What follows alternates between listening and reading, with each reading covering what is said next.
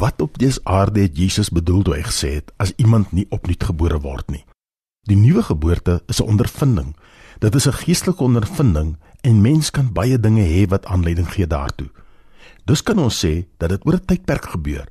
Maar die nuwe geboorte self is 'n oombliklike gebeurtenis wat op daardie gegeewe tydstip as die persoon sy sondigheid erken en erken dat Jesus Christus aan die kruis vir hulle sondes gesterf het en hulle sondes skuld ten volle betaal het, dit bely en hulle bekeer van hulle sonde en hulle behoefte aan Christus erken en dat slegs hy daardie sonde kan vergewe en dan Jesus Christus aanneem as persoonlike verlosser vir die vergifnis van hulle sonde en hulle verbind hulle self tot die persoon van Jesus Christus dat hy niemand anders is as God self nie.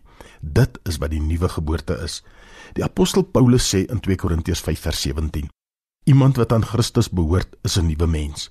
Die waarheid is dat die nuwe geboorte ondervinding presies dit is wat God sê dat dit is.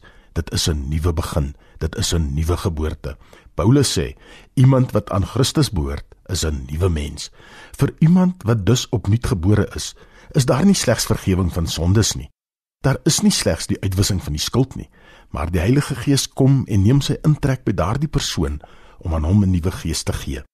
Met ander woorde, iets gebeur waardeur 'n persoon wat opnuut gebore is, nooit weer dieselfde kan wees nie, want hulle is in 'n nuwe lewe ingebore. Hulle beskik nou oor 'n nuwe gees en 'n nuwe lewe en daardie lewe is die Here Jesus Christus. Daardie Gees is die Heilige Gees wat binne in daardie persoon kom woon en bly. Iemand wat dus die nuwe geboorte ondervind het, is iemand wat met 'n nuwe lewe begin. Iemand by wie die Heilige Gees inwoon, iemand in wie se lewe Christus hulle lewe geword het. Wie se begeertes en doelwitte nou die begeertes en doelwitte van God is wat nou in hulle lewe 'n werklikheid is. Nou is die vraag, hoekom het Jesus gesê jy moet opnuut gebore word? Hy kom ons nou sowel gesê het, lei 'n mooi en goeie lewe. As jy net ophou sonde doen en mooi sal lewe, sal jy hemel toe gaan. Hier is die rede. Omdat al die geregtigheid en al die goeie werke van die mens gebaseer is op verkeerde motiewe. U sê, "Wag nou net so bietjie.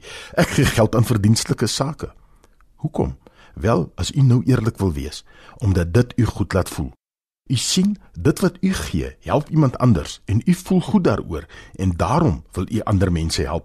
Die waarheid is, u en ek kan elke enkele daad en gesindheid nagaan.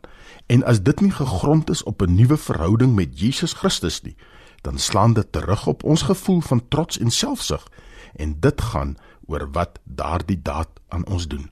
Here Jesus, dit word vir my al duideliker dat ek nie sonder U kan leef nie. Amen.